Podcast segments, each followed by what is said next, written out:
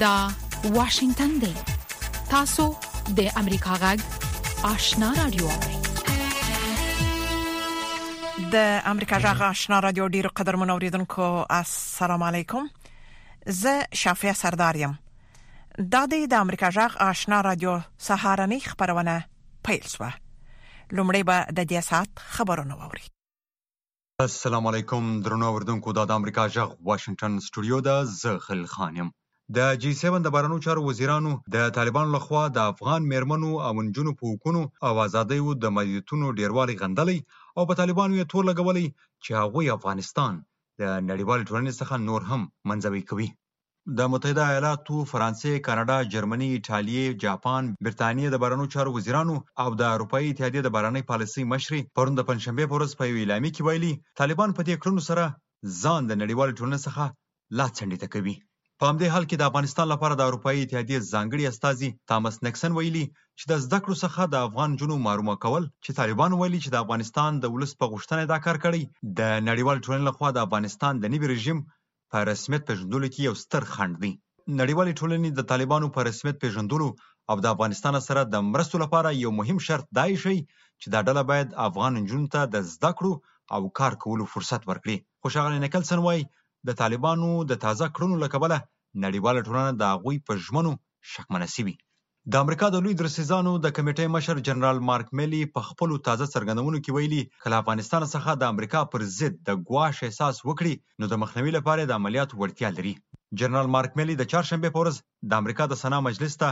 په استماعیه غونډه کې ویلي، چې لا هم امریکايي پوځیانو پر افغانستان خپل څارګر فعالیتونه جاري ساتلي، خو په اړه یې نور جزیات ورنه کړل. د سنا مجلس په استماعیه غونډه کې څرګنده شوه، چې یو شمېر سناتورانو لا هم په افغانستان کې د داعش او القاعده په شمول د ترهګرو ډلو په اړه اندېښمن دي، خو جنرال مارک ملي ویلي چې دوی به هېڅکله اجازه ورنکړي چې افغانستان یو ځل بیا ترهګرو ډلو لپاره په امن ځای بدل شي. جنرال مارک ملي په داسې وخت کې دا څرګندونې کړي چې طالبانو د دوه زره شلم کال د دوحې په تړون کې امریکا سره ژمنه کړې چې افغانستان به د ترهګرو په ځالې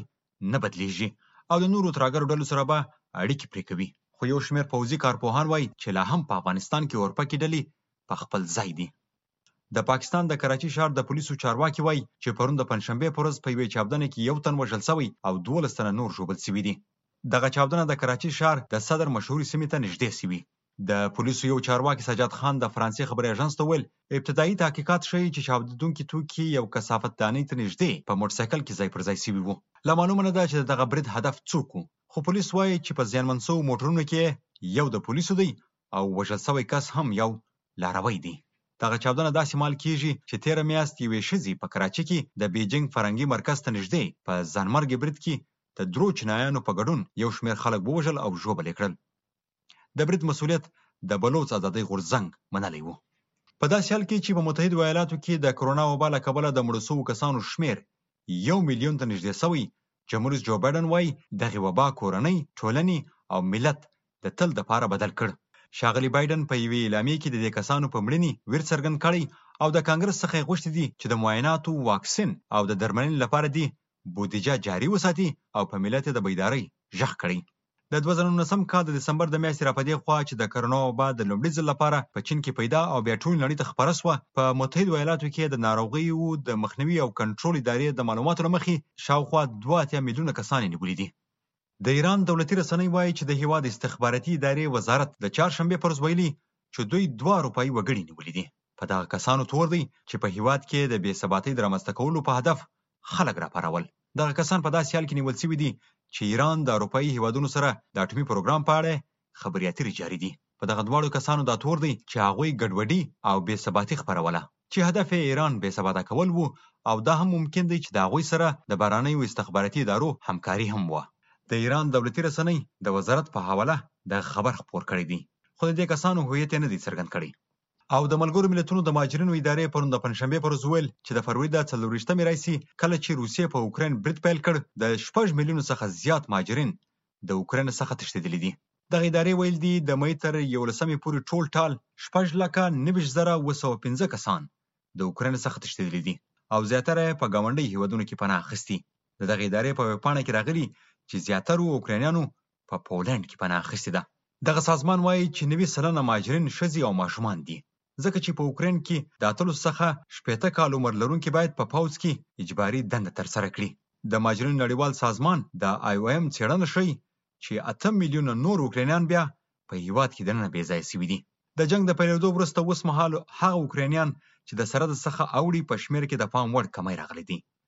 د ملګرو ملتونو د مهاجرینو سازمان وایي چې شاوخوا یو اعشاریه شپږ میلیونه اوکراینیان بیرته هیواد ته ستانه شوي دي او ځینې بیا په هغو سیمو او په خاصه د کیف په شاوخوا کې په موقتي ډول اوسیږي چیرې چې جنګ درېدلی دی. د ملګرو ملتونو ادارې اټکل کړی چې د اته میلیونو څخه زیات اوکراینیان کېدای شي دا کال د هیواد څخه وتښتي. دا خبرونه چې تاسو د امریکا ژغ له واشنګټن د سټوډیو څخه واوریدل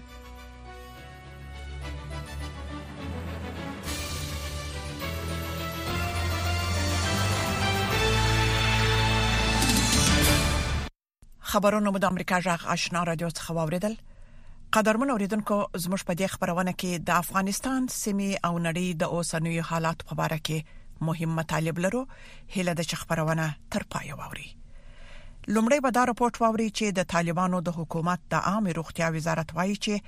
په افغانستان کې د درملو ستونزه ډېره پخوانۍ ده او په تیرو شلو کلونو کې له بهر څخه د وارد شوو درملو شاوخوا او یا فیصد په قاچاقي ډول دغه هوا ته وارد شوې ده افغانستان د خپل اړتیا وړ درملو درنوي فیصد له بهر څخه واردوي نور تفصيل د اکرام شنواری پر راپور کې ووري د طالبانو د اسلامي امارت د عامه روغتیا وزارت وایي چې افغانستان کې د درملو د کمبود ستونزه نوې نه ده او د تیر وګړو کلونو راهیسې دا ستونزه شته ده د عامه روغتیا وزارت وایي جاوید حجیر خبري اعلان ته په واستولي ویډیوي پیغام کې ویلي چې په تیر شل کلونو کې چې افغانستان ته له بهر څخه کوم دارو او درمل واردېدل او یا پیسې د کچاکي لارو دغه هیواد ته راوړل کېدل در 20 سال گذشته ښاغلي هجیري وویل، په تېرو شل کلونو کې موږ درې نوي فیصده درمل له بهر څخه واردول، متاسفانه اویا فیصده یې په قاچاقي ډول هېواد ته راوړل کېدل. افغانستان د پاکستان او ایران سره اوږد سرحد لري چې د دارو درملو په ګډون د دغه هېواد د اړتیا وړ ډېر مواد د دغو هېوادو څخه په غیر قانوني لارو افغانستان ته راوړل کېږي. افغانستان کې د تېر دوه زره ویشت میلادي کال د سیاسي بدلون وروسته نړیوالې ټولنې لخوا دغه هېواد باندې د روغتیا د سکټور په ګډون د مرستو د بندېدو له امله دغه هېواد کې د نورو ستونزو ترڅنګ د درملو د کمبود ستونزه هم پیدا شوې ده خو جاوید هجیر وایي چې اوس مهال افغانستان کې د دارو درملو د کمبود کومه ځانګړې ستونزه نشته دی او په دغه هېواد کې اکثریت روغتیايي مرکزونه د روغتیا د نړیوالې ادارې WHO او د ملګرو ملتونو د ماشومانو د ملاتړ ادارې یونیسف لخوا تمویلېږي چې ضروري درمل هم د دغو ادارو لخوا دغو مرکزونو ته برابرېږي. در بیشتر از دو هزار و پنجصد و شصت و هشت مرکز. ښاغلي حجیري وویل، د دوه زره پنځه سوه او اته شپېته مرکزونو څخه زیات مرکزونه چې قرارداد یې لره اوس مهال د ډبلیو ایچ او او یونیسف ادارې سره د کال تر پایه قرارداد لري چې درمل، معاشونه او نور مشکلات په بشپړ ډول حل دي، همداشان زموږ ولس روغتونونو ته د سره صلیب نړیواله اداره آی سی آر سی دارو درمل او د کارکونکو معاشونه برابروي. تماشا ته کمک میکنه. د عامې روغتیا وزارت دغه چارواکی وایي چې د دې سربېره پاکستان، ایران، ازبکستان، هندوستان، قطر، متحده عربي اماراتو، اروپۍ ټولنې او بحرین لخوا په تېرو نهه میاشتو کې افغانستان سره په مختلفو وختونو د دارو درملو مرستې شوي د عامه روغتیا وزارت د معلوماتو لمخې په تیرو کلونو کې په افغانستان کې د درملو تولید 15 فابریکو فعالیت کو چې 15 ډوله درمل تولیدول چې د افغانستان د درملو د اړتیا په برخه کې او فیصد اړتیاوي پوره کولې د دارو درملو د وارداتو د شرکتونو یو شمېر خاوندانو د وینا لمخې افغانستان هر کال له بهر څخه د 300 میلیونو او 1 میلیارډ امریکایي ډالر ترمنځ پردخت درمل واردوي چې د دغې ډلې د پنځه سوه میلیون ډالرو په ارزښت درمل په قاچاقي لارو دغه هېواد ته راوړل کېږي. په تېرو کلونو کې نېږدې یو زرو پنځه سوه شرکتونو افغانستان ته له بهر څخه درمل واردول. د امریکا غږ د اشنا رادیو په خپلو بیلو بیلو خبرونو کې د نړۍ د ګډ ګډ او د افغانستان په باب جامع، بیطرفه او موثق رپوټونه خبروي. د امریکا غږ د اشنا رادیو خبرونه مه هېروئ. د امریکا جغ آشنا رادیو څخه تاسو زموږ د خبرونه اوري د افغانستان لپاره د امریکا ځانګړي استاذي ټام ویست وایي که طالبان له اوسنی وضعیت څخه پوره ګټه وانخلي د د په وینا کېدای سي افغانستان له کورنۍ جګړې سره مخامخ سي ویست په واشنگټن کې د امریکا مشتو افغانانو یوې غونډې ته د وینا پترس کې د طالبانو لخوا د اجباري حجاب او بندیزونو لګول غندلې او پر دیني عالمانو یې غږ کړی دی چې د خپل خويندو او لونو د حقوقو لپاره غږ اوچت کړي نور حال پر پورت کې ووري د افغانستان د بیا پخلاینې لپاره د امریکا ځانګړي استاد ټام وست د افغان میرمنو د اجباري حجاب په اړه د طالبان د حکومت اورستي لارښوونې وغندلې او ویل چې افغان دینی عالمان او نور د خپل خويندو او لونو د حقوقو لپاره غږ اوچت کړي ما ولیدل چې په ټول هېواد کې افغانانو دا فرمان رد کړی، ځکه دا د افغانانو کلتوري تنوع او هغه څه چې په اسلام کې د مېرمنو بنسټیز حق دی، نه منعکس کوي. نو موږ دا ډول حجاب ردوو. موږ فکر کوو چې دا کار به د ټولنې په ګڼو برخو کې د مېرمنو مشارکت محدود کړي. ښاغلی ویسټ وایي که طالبان له اوسني وضعیت څخه ګټه پورته نه کړي، کیدای شي افغانستان کې کورنۍ جګړه پیل شي.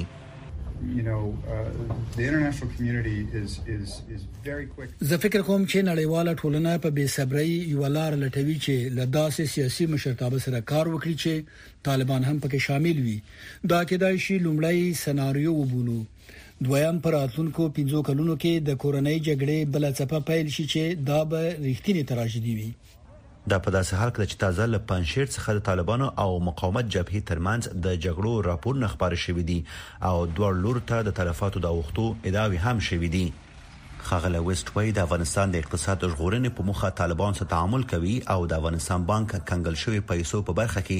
هڅې روان دي چې کوم بل هېواد ته انتقال شي ترڅو د افغانستان مرکزي بانک سره مرسته وکړي.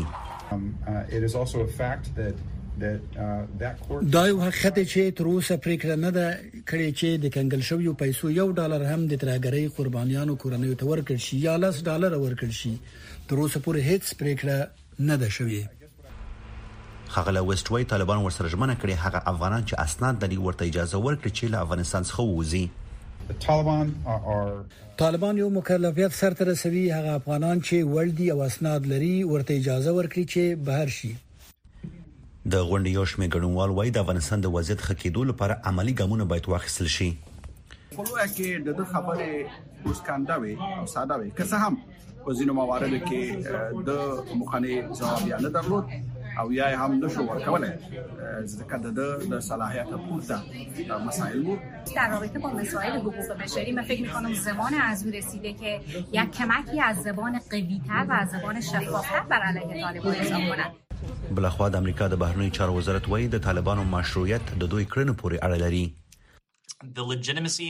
کوم مشروعیت او ملاتړ چې طالبان له نړیوالې ټولنې څخه غواړي هغه د دوی کړنو پورې تړلی دی په مشخصه توګه د میرمنو او نجونو د حقونو ساتنه ده د افغانستان د پخلاینې په چارو کې د متحده ایالاتو ځانګړي استاد ټام ویسټ وایي د یو ډیپلوماټ په توګه دنده دار چې له طالبانو سره تعامل ولري هغه په زغرده وویل چې طالبان نه خوخيږي خو دا د امریکا او افغانانو په ګټه ده چې له طالبانو سره د ډیپلوماسۍ لارې تعامل وشي انتظار پای ته ورسید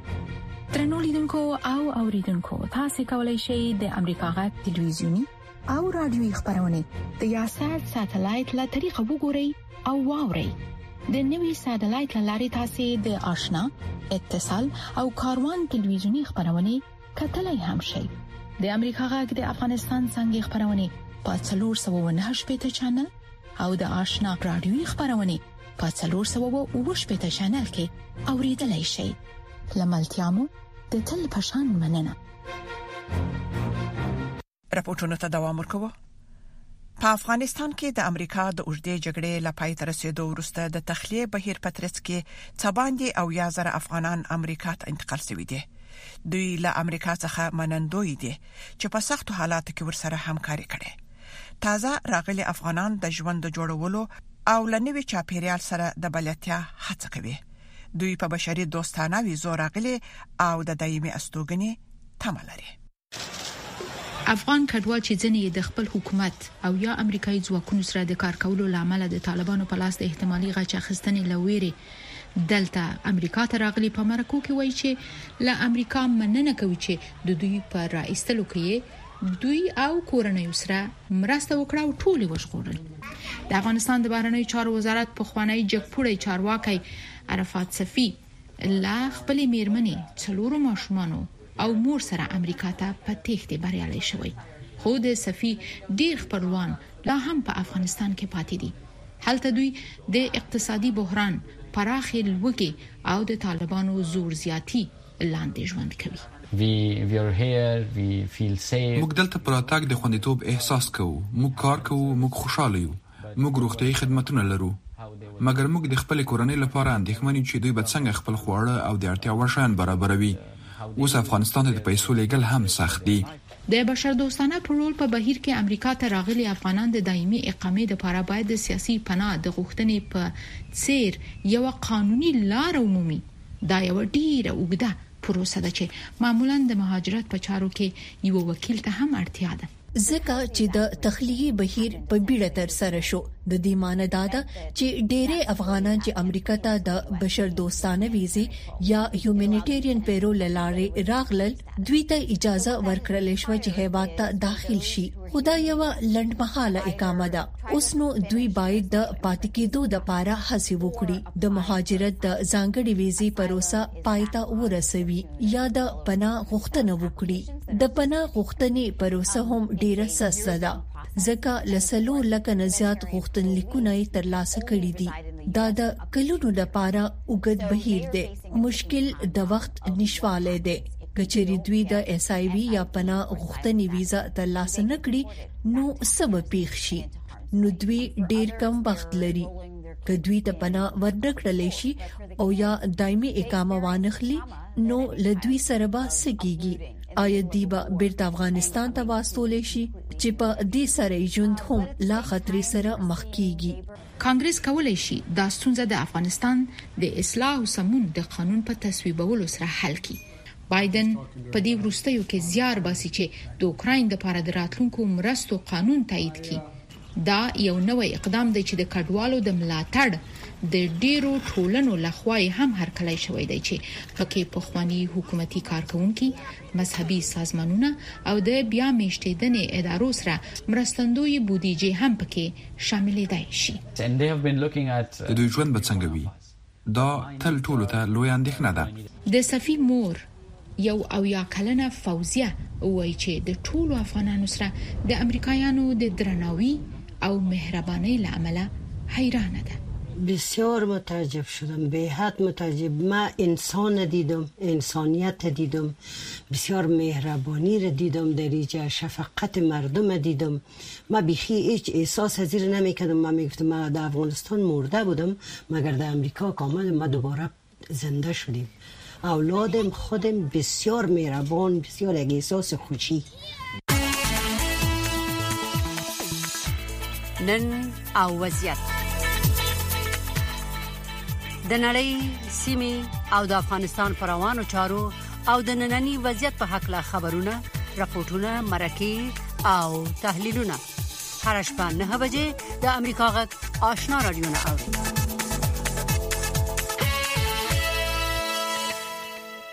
څو نړیوال راپورټونه په اوکرين کې د روسیې د جګړې په وړاندې د امریکا مبارزه مخ په چټکې دوده د امریکا د استازو مجلس د سه شنبه په ورځ اوکراین سره د 40 میلیارډ ډالرو په ارزښت د پوځي او غیر پوځي مرستو لایحه تصویب کړې ده ټاکل شوې چې د سنا مجلس هم د همدې اونۍ په ترڅ کې رایګیري وکړي نور تفصیل پر پورت کې ووري اوس چې په اودیسه او د اوکراین په نورو ښارونو کې جګړه زیاته شوې، د اوکراین سره د امریکا په مرستو کې هم د پام وړ زیاتوالی ښکاري.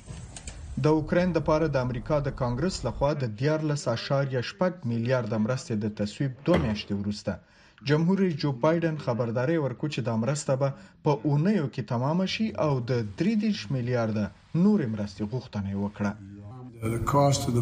د جګړې بیه دومره کمه نه ده، خو د ظلم په وړاندې تسلیمېدل به تر دې زیاته بیه ولري، ځکه خو موږ ورسره ملګري کېږو. په عین وخت کې د امریکا جګپوړو استخباراتي مامورینو ویل، داسې ښکاري چې د روسیې جمهور رئیس ولادیمیر پوتین یوې اوږدې جګړې ته تیاری نیسي او د اوکراین جګړه د بنبست سره مخامخ ده. دیموکراټان وایي درې دېرش میلیارد ډالر کم دي او اووه میلیارد نوره مرسته یې پرې ورزیاته کړه. روسیه له پیسو خلاصیږي، دوی به له دفاعي امکاناتو هم خلاص شي، خو موږ باید ځان ډاډه کړو چې اوکراین بې پیسو نه شي او دفاعي امکانات یې هم کم نه شي. د همدې اونۍ په پیل کې جمهور رئیس بایډن یو قانون توشیح کو چې د دویمې نړیوالې جګړې د وخت یوې پریکړې ته چې د نازي جرمنانو پر ضد د اروپאי هیوادونو سره مرسته و ورته والی لري د نوي قانون لمخې جمهور رئیس صلاحیت لري چې اوکراین ته پوځي امکانات او تجهیزات ولیږي ځینې ارزوونکي د بایډن د زیاتې لیوالتیا چې په کانګرس کې د دواړو ګوندونو ډیموکراټ او جمهوریت غوښتونکو ملاتړ لري په اړه خبرداری ورکوي. زما په نظر د اوکراین سره د لږې یا زیاتې بې حده پوځي مرستې چې د دې اوږدې جګړې د پای ته رسیدلو هیڅ څرک نه لګي د امریکایانو امنیت ته یو جدي خطر پیښوي. فکر کوم دا ډیره مهمه مسئله ده او په واشنګټن کې هغومره چې باید پرې خبرې وشي نه دي شوي. په همدې وخت کې کانګرس به کېدلی شي د دوه ویشت اعشاریه پنځه میلیارده هغه پېشنهادي بودیجه تایید نه کړي چې د کوویډ نولس ناروغۍ سره د مجادلې لپاره غوښتل شوې. په دې کې پنځه میلیارده یې په نړیواله سطحه د دې وبا سره د مبارزې لپاره هم شامل دي چې د اوکراین له مرستو جلا کړل شوي. دا جلا کول ځکه وشول چې موږ غوښتل د اوکراینیانو موضوع ته هر څه ژر لاس په کار شو. داسې هیڅکله نه غواړم څرګنده کړم چې ګوندې د کوویډ موضوع اهمیت نه لري، خو دا بیړنۍ مسئله ده. فکر کوم د اوکراین موضوع موږ ته تر کوویډ ډیر ژر او سخت زیان رسوونکې ده. د سې شنبې په ورځ د ایټالیا صدراعظم ماریو دراګي واشنګټن کې و او په سپینه ماڼۍ کې یې وویل، اروپایان د روانې جګړې یو دیپلوماتیک حل غواړي. خلک داسې فکر کوي یا لږ تر لږه غواړي چې که ممکن یو اوربند وشي او جدي مذاکرات بیا پیل شي. جمهور رئیس بایډن د صدراعظم دراګي دا خبره دومره تایید نه کړه او امریکایي چارواکو هم شک ښودلی چې که روسیه د مذاکراتو ته زړه ښه کړي. قدرمن اوریدونکو یو 50 کلنه فلسطینی ژورنالیسته شیرین ابو عقیله چې د الجزیرې تلویزیون لپاره یې کار کاوه او د امریکا تابعیت یې درلود د چهارشنبې په ورځ په لویدیځه غاړه کې د رپورټ ورکولو په مهال په مرموزو حالاتو کې ووژل شوه فلسطینیان وایي چې د اسرایلی عسکرو د ډزو په نتیجه کې په مرمۍ باندې پر سر ولګیده خو اسرایل یې نه مني او وایي شاید چې د فلسطینیانو په ډزه کې لګیدلې وي د بیت المقدس څخه به د خبريالي لیندا ګراتستن درالېږلې رپورت خلاصه سید سلیمان شاه تاسو ته ولولي توقع ده چې د فلسطین د خودګردانې ادارې جمهور رئیس محمود عباس نن د پنجشنبې په ورځ د الجزیرې د تلویزیون د وژل شوې ژورنالیستې شیرین ابو عقیله د جنازې په مراسمو کې ګډون وکړي. نوموړې د چهارشنبې په ورځ د په لویدیځه غاړه کې د فلسطین د جنین په ښار کې د ټوپک په مرمۍ د لګېدو له امله ساه ورکړه. د فلسطین د ادارې د روغتیا وزارت وايي چې شیرین ابو عاقله پر سر باندې د اسراییلي عسکرو د ټوپک په مرمۍ لګېدلې وه او کومه ویډیو چې د دغې پېښې په وخت اخیستل شوې، ښيي چې ابو عاقلې هیلمټ یا فولادي خولۍ په سر کړې وه او د مرمۍ ضد جاکټ یې په غاړه و چې په روښانه ټکو پرې د پرېس یا مطبوعاتو کلمه ښکل شوې وه. د الجزیرې تلویزیون چې مرکز یې د قطر په پایتخت دوحه کې دی، د دغه پېښې نه وروسته د چهارشنبې په ورځ په یوې مطبوعاتي بیانیې کې اسراییلي عسکر د ابو عقیلې په وژلو تورن کړل. فلسطیني فعال مصطفی بارغوتي د نوموړې تلویزیوني شبکې سره د مرکې په ترڅ کې وویل چې پر شیرین ابو عقیله او ملګرو باندې جنین ته له رارسېدو سمدستي وروسته ډزې وشوې. هغوی په همدې شېبه کې جنین ته رارسېدلي وو، چېرې چې اسرائیلو د پوځ عسکرو د فلسطینیانو پر خلاف عملیات سرته رسول. هېڅ قسم ډزې نه وې تبادله شوې، نو د دې خبرې هېڅ امکان نشته دی چې ژورنالسته شیرین ابو عاقله به فلسطینیانو ویشتلي وي. د اسراییلو پوځ تل پر خپلو هغو جرمونو باندې د پردې اچولو په خاطر دغه شان پلمې کوي چې د فلسطینیانو او ژورنالستانو پر خلاف یې سرته رسوي. د اسراییلو د بهرنیو چارو د وزارت ویاند لواییر حیات وویل. Free press is fundamental for Israel. ازاد مطبوعات د اسراییلو او د ټولو ډیموکراسیو لپاره بنیادي اهمیت لري، نو له همدې کبله ژورنالستان باید مصئون وي. خواياند نوموړې ژورنالېستې د وژل کېدو په اړه د فلسطينيانو د ادعا په ځواب کې وويل. داسې نښې نښانې شته دي چې ابو عاقله به د يوه فلسطيني ټرورېست په ډزو کې لګېدلې وي. اسرائيل په دې اړه بشپړ تحقيقات کوي او د فلسطين پر خودګردانې ادارې باندې هم غږ کوو چې د حقيقت د روښانه کولو په منظور په تفتيش کې راسره همکاري وکړي. فلسطینیان وايي چې دوی پر اسراییلو باندې باور نه لري او توقع نه کوي چې بې پرې او بشپړ تحقیقات به وکړي. د دې سابقه دارې فلسطینۍ ژورنالیستې وژل کېدل په داسې حال کې پېښ شوي دي چې د اسراییلو او فلسطینیانو ترمنځ تشنج مخ پر زیاتېدو دی. د تېرو څو میاشتو په دوران کې نولس کسان وژل شوي دي او فلسطینیان بله اونۍ د اسراییلو د جوړېدو ورځ چې د النکبه یا افت په نوم یې یادوي، لمانځي. سید سلیمان شاه، د امریکا غږ، واشنګټن. قدرمن اوریدونکو د دې اوس په د امریکا جغ سر مقاله ووري چې د امریکا د حکومت نظر څرګندوي د امریکا د استخباراتي ټولنې د تازه وخت د کلنی غواخ پر شوی ارزیابي پیشګوئی کوي چې ایران به د پراخه بدنیته نفوذي فعالیتونو سره یو سمایز ډار او خطر وي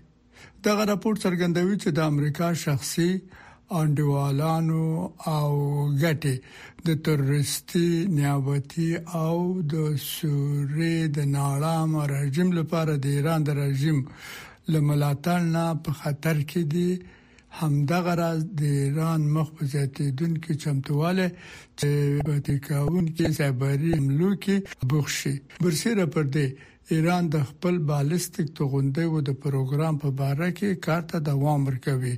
او د هغو حدودو نه په اخوا چې د ایران د اتومي موافقې له مخې ټاکل شوي وو، ځینې اتومي فعالیتونه یې پیل کړي دي. امریکا له دغې موافقې نه چې د عمل ګډ جامع پلان یا JCPOA په نامه یادېږي، په دوه زره اتلسم کال کې د پخوانۍ ادارې په وخت کې وتلی وو. امریکا په تیر کال کې د جې سي پي او ای بشپړ عملي کولو ته د متقابل راستنیدو په سر د ایران سره په غیر مستقیم خبرو کې ده لکه څنګه چې د بهرنیو چارو وزارت نطاق نیډ پرایس ویلي هر چلنج چې موږ ورسره مخامخ شو او له ایران نه به ورسره مخامخ شو، په هر حال چې د نیابتي جنجال لپاره د دې ملاتړ دی، د تروریستي ډلو لپاره د دې ملاتړ، د دې د بالستیک توغندیو پروګرام، د ټولو نه به دا ډېره مشکله وي چې ورسره مخامخ شو که ایران د اتومي وسلو خاوند وي. لومړی شی چې موږ کوو هغه دا دی چې د ایران اتومي پروګرام بیرته په صندوق کې واچوو چې دغه چیلنج د میز نه ایسته کړو. په اتومي خبرو کې د پام وړ پرمختګ شوی دی مګر په دې وروستیو هفتو کې د یو شمیر نه حل شوو موضوعاتو په سر وځنډول شوې. نطاق پرایس په مطبوعاتي کنفرانس کې ویل امریکا د جي سي پي او ای د بشپړ عملي کولو د راستنېدو لپاره چمتو ده د څرګند کړه موږ د پراخه ډیپلوماټیکو کوششونو لپاره هم تیارو چې د جي سي پي او ای نه بهر موضوعات حل کو که ایرانیان نه غواړي چې د دغو خبرو نه د نورو دوه اړخیزو موضوعاتو په حل کولو کې کار واخلي، په هغه صورت کې موږ باوري یو موږ په چټکۍ سره د جې سي پي او اې په باره کې یو تفاهم ته رسیدای شو. او په خپله د موافقې په بیا عملي کولو پیل کوو، دا اعلان دی چې ضرور دغه پریکړه وکړي. نطاق پرایس ټینګار وکړ چې امریکا یو شان ته د داسې طرحې لپاره چمتو ده چې په کې د JCPOA په موافقت متقابله راستنیدل وي او د ویلي په طرحه کې چې متقابل راستنیدل نه وي موږ به پخواني طرح ته ترجیح ورکړو چې JCPO او د تصدیق وړ اتومي حدود ولرو چې دا به بیا د ایران په اتومي پروګرام باندې بندیز ولګوي په هغه صورت کې موږ د دې لایق یو چې هلته ورسیږو یا نه دا د ایران لپاره یو پوښتنه ده. تاسې د امریکا غږ سرمقاله واوریده چې د امریکا د حکومت رسمي نظر یې څرګند کړ.